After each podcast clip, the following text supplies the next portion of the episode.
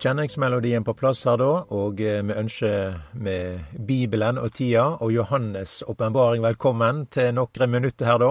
Vi er jo i den siste del av denne spennende profetboka. Ei eh, bok som eh, i mye større grad burde vært lest og grunna på. Vi har et rikt løfte i starten på Johannes' åpenbaring. Det står i kapittel 1 der vers 3 at sel er den som les, og dei som høyrer det profetiske ordet, og tek vare på det som står skrevet der, for tida er nær. Og denne velsignelsen den får vi del i når vi leser, og når vi høyrer, og tar vare på det profetiske ordet. Og jeg synes det er spennende med de planer Gud har. Hva er det for tanker Gud har? Hva er det Han kjem til å sette i verk? Jeg synes det er veldig greit å være orientert om saka og han har gjeve det oss og gjort det kjent for oss gjennom denne siste boka i Bibelen, blant annet. Han førte Johannes til øya Patmos for å gi oss disse sanningene. Og eh, det er gjort for at eh, vi skal være orienterte. I Åpenbaringen 19 der er det jo skildra når Jesus kjem att på den kvite hesten. Han kjem til Oljeberget utenfor Jerusalem. Det står der i vers 11 og eg såg himmelen åpna, og sjå, en kvit hest, og han som set på den heter trufast og sannferdig, han dømmer og strider med rettferd. Navnet på han som set på hesten heter trufast. Og eh, vi leser i Bibelen at den som trur på Jesus skal aldri verta til skamme. Og da er det med Jesus. Det er noe som en kan rekna med. Jesus svikter ikke i livet og i hverdagen, han er tett på, og han vil være deg nær. Han er din skugge ved di høgre hand, og når du er trøtt, så bærer han deg. Han som er livets høvding, han svikter ikke i døden. Han er tett på og gjev deg lys og styrke. Dødens brodd har Jesus teke, det å leve og dø i Jesu navn er å ha Kristuskvaliteter, både i livet og i døden og det er å ha del i det som Bibelen omtaler som den første oppstandelse. Det er livets oppstandelse. Men Jesus er også trufast med tanke på framtidige begivenheter. Jesus er trufast mot Israel. Alle de løfter som er gjeve dette landet og folket, de vaker Gud over og vil sette dei i verk. Mange av løftene til Israel er i bevegelse. Det skjer noe nå, som verden ikke tidligere har sett. Israel er en nasjon. Jødene er i Jerusalem. Jerusalem har vært lengselen og sangen gjennom generasjoner. Og det var et profetisk høgdepunkt når jødene var og kom til Vestmuren tilbake i juni 1967. Det var et stort øyeblikk og et under av Gud når Herren da førte israelsfolket ut fra Egypten og til eh, fedrene sitt land, det landet som Gud lova Abraham og Isak og Jakob. Men det er stort også i dag, når vi ser at Gud fører folket tilbake oss fra alle de land de er drevne bort til, og folket kjem tilbake oss til landet som Gud lova deira fedre. Det skjer ei folkevandring til Israel hver veke, hver dag. Og eh, det har med Bibelens profetier å gjøre. Det er Gud som set sine løfter i bevegelse, det er Gud som organiserer det som skjer. Og vi ser det. Og det er et vitnesbyrd om at Gud er trufast. Det er et vitnesbyrd om at Bibelen er sann og troverdig. Og når vi da har dette her i Johannes' åpenbaring, her vi leser at Satan skal låsast inne i avgrunnen i tusen år, så er det noe som er konkret. Det vil komme ei tid som vil være ulikt i alle andre tider som har vært i historien. Og det er denne tida da Satan er bunden, at Jesus er konge i Jerusalem. Vi kjem ikkje bort ifra dette her at Jesus skal komme att til Oljeberget, og at Jesus er jødenes konge. Det vart jo sagt til Maria om barnet hun skulle bære fram, der i Lukas evangeliet kapittel 1 der.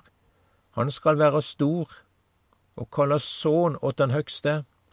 Gud Herren skal gi han trone åt David, far hans, og han skal være konge over Jakobs hus til evig tid, og det skal ikke være ende på kongedømmet hans. Og dette med konge, det er noe som Gud lenge har sagt. Gud sa det alt til Abraham. Det står her i første Mosebok 17 eh, til Abraham. Jeg gir deg overlagt fruktbar. Jeg gir det til mange folk, og konger skal gå ut fra deg. Israel har en konge, og gjennom mange bibelord, salmer og profetmateriale i Bibelen, så er det tydelig da at Israel har en konge. Det er noe som vil verta iverksatt. Her er det ikke noe som er glemt eller oversett på noen måte. Vi les i Johannes' åpenbaring at Jesus skal komme som konge. Hærene fulgte han på hvite hester. Og dette med kongsløftet, da. Det står jo òg omtalt i Andre Samuels bok, i kapittel sju der. Det er sagt om kong David, eller til han, da. Det står fra vers tolv Når tallet på dagane dine vert fulgt, og du kviler hjå fedrene dine, da vil eg etter deg reise opp en eh, sønn din, som skal komme fra ditt eget liv, og jeg vil grunnfeste kongedømmet hans. Han skal bygge et hus for navnet mitt, og jeg vil trygge kongetrunet hans til evig tid. Jeg vil være far hans, og han skal være sønnen min. Når han gjør det som vondt er, vil jeg tukte han med menneskeris og med plagene åt menneskeborna. Men mi miskunn skal ikke forlate han, slik jeg let henne forlate Saul, han som eg let vika plassen for deg. Ditt hus og ditt kongedømme skal til evig tid stå fast for ditt åsyn, og truna di skal være grunnfest til evig tid. Og det som er sagt til David her, det er jo en profeti. Og det strekker jo eh, under både det som har med kong Salomo å gjøre, men det går jo også noe lengre i den sammenhengen her. Det peker fram på han som er Davids sønn, og er av Davids hus ett, han som er løva av Juda, Jesus Messias. Og med løftene om Jesus som konge, så er det jo veldig tydelig på hvor dette her er henne. Altså, hvor er det Jesus er konge? Jo, det er Israel. Og på samme måte som vi har pakten og avtalene angående løftene om jødene, folket og Israel som nasjon, så er det også på samme måte at deres konge er Messias. Det er ingen tvil om at dette vil verta iverksatt. Det skjer sånn som Herren han har sagt det. Vi kan òg ta med det som står her i profeten Esekiel 36. Det skal bu i det landet eg gav fedrene dykkar. Det skal være mitt folk, og eg vil være dykkar Gud. Og disse sanningene her er jo veldig tydelige, og jeg nevner òg ifra Salmes 72, vers 11. Alle konger skal falle ned for han, alle hedninger skal tjene han. Og de sanningene som vi deler med hverandre her, er ei tid som vil komme. Og eh, det er under denne tida som da har med tusenårsriket å gjøre. Det har med riket for Israel. Og dette riket her, det går jo i Bibelen under forskjellige navn. Vi kan jo også nevne for eksempel sommer. Ja, Jesus sa det at vi skulle sjå på fikentreet. Det er sitat her fra Matteus 24 vers 32. Lær ei likning av fikentreet, når sevja går i greine og løvet spredt, da veit eg at sommeren er nær. Eh, Peter òg omtaler denne tida, og han skildrer på denne måten at det skal komme ei tid med lindring. Jeg kan ta med òg det som er sagt her i apostelgjerningane 3 og vers 18, ifra det verset. Men Gud oppfylte på denne måten alt det han føråt hadde forkynt gjennom alle profetene. At hans Messias skulle lida. Gjer da bot og vend om, så syndene dykkar kan verta utstråkne, så det kan komme tider med lindring og trøyst fra Herren og han kan sanna dykk, den Messias som føråt var etla åt dykk. Jesus, han som himmelen skal hysa til dei tider då det vert atterreist alt det som Gud for eldgamle dager har tala om gjennom sine heilage profeter. Eh, her taler da Peter, han bruker ikke dette ordet her, kan du si, tusenårsriket, eller at sommeren er nær, men at det skal komme ei tid med lindring. Og det er ut ifra sammenhengen her da at Jesus skal komme igjen, og han skal da atterreise alt det som Gud har lova fra eldgamle dager. Så dette her med atterreise, det har jo da sammenheng med noe som er revet ned. Eh, det er noe som skal bygges på nytt igjen.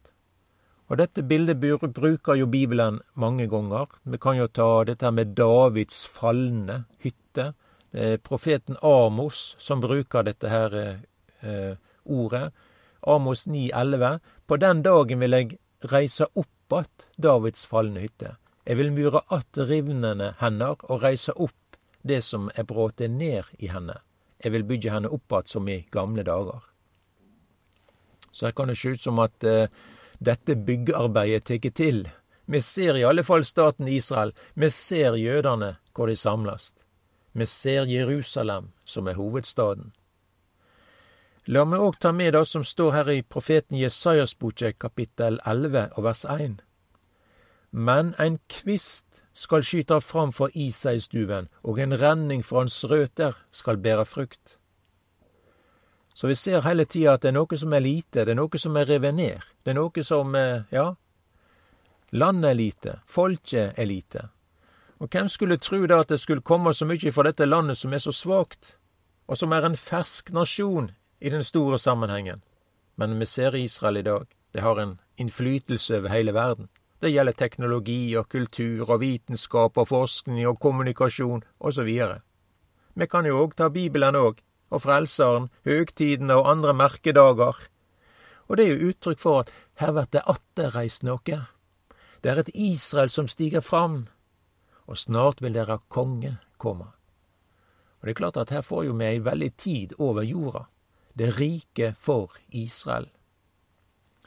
Sjøl om godene er mange i denne tida, når Jesus er konge der i Jerusalem, og han er konge over hele jorda, som det står i profeten Sakarias 14 vers 9, så er det ikke alle som vil følge Jesus og følge kongen.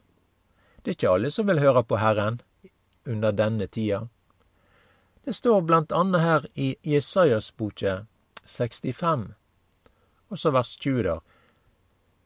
Det skal ikke lenger finnes noe spedbarn som lever i få dager eller en gammel mann som ikke fyller målet for dagane sine. Nei, en ung mann skal han være, som dør hundre år gammel. Og eh, hundre år gammel skal den synderen verta som dei forbannar. Så det er noen ting som blir sagt i denne anledningen her, da. Og vi kan òg eh, ta med det som står videre her i profeten Sakarias kapittel 14. Jeg leser da ifra vers 16 alle dei som vert att av alle dei hedningefolka som gikk til åtak på Jerusalem, skal år etter år fare opp for å tilbe kongen, Herren, allers Gud, og for å høgtida løyvhyttehelga. Men om nokon ett på jorda ikkje fer opp til Jerusalem for å tilbe kongen, Herren, allherrs Gud, så skal det ikkje komme regn hjå dei. Så her ser vi egentlig sjøl om Satan er bunden under riket for Israel, der han ikke har noen mulighet til å forføre menneskene på noen vis, så ser vi at mennesket sjølv At det er noen her da som ikke vil tilbe Jesus Messias under riket for Israel. Så under dette riket her, så er det jo ei veldig sommertid. Det er ei tid med lindring, både for mennesket og for skaperverket. Det er et tusenårsrike, ei sabbatsdag for heile menneskeheten, med alle dei goder og alle dei velsignelser i heile kosmos, i alt det skapte. Og alt dette på grunn av at Jesus er konge fra Jerusalem. Så er det likevel noen som ikke vil ha med Jesus å gjøre. Og det forteller noe om menneskenaturen. Og dette er på mange måter nyttig info, og vi ser hva som skjer. Herren han har kunngjort det gjennom sitt ord og sitt eh, profetiske bibelmateriale. Og vi streker også under at Jesus kjem snart igjen.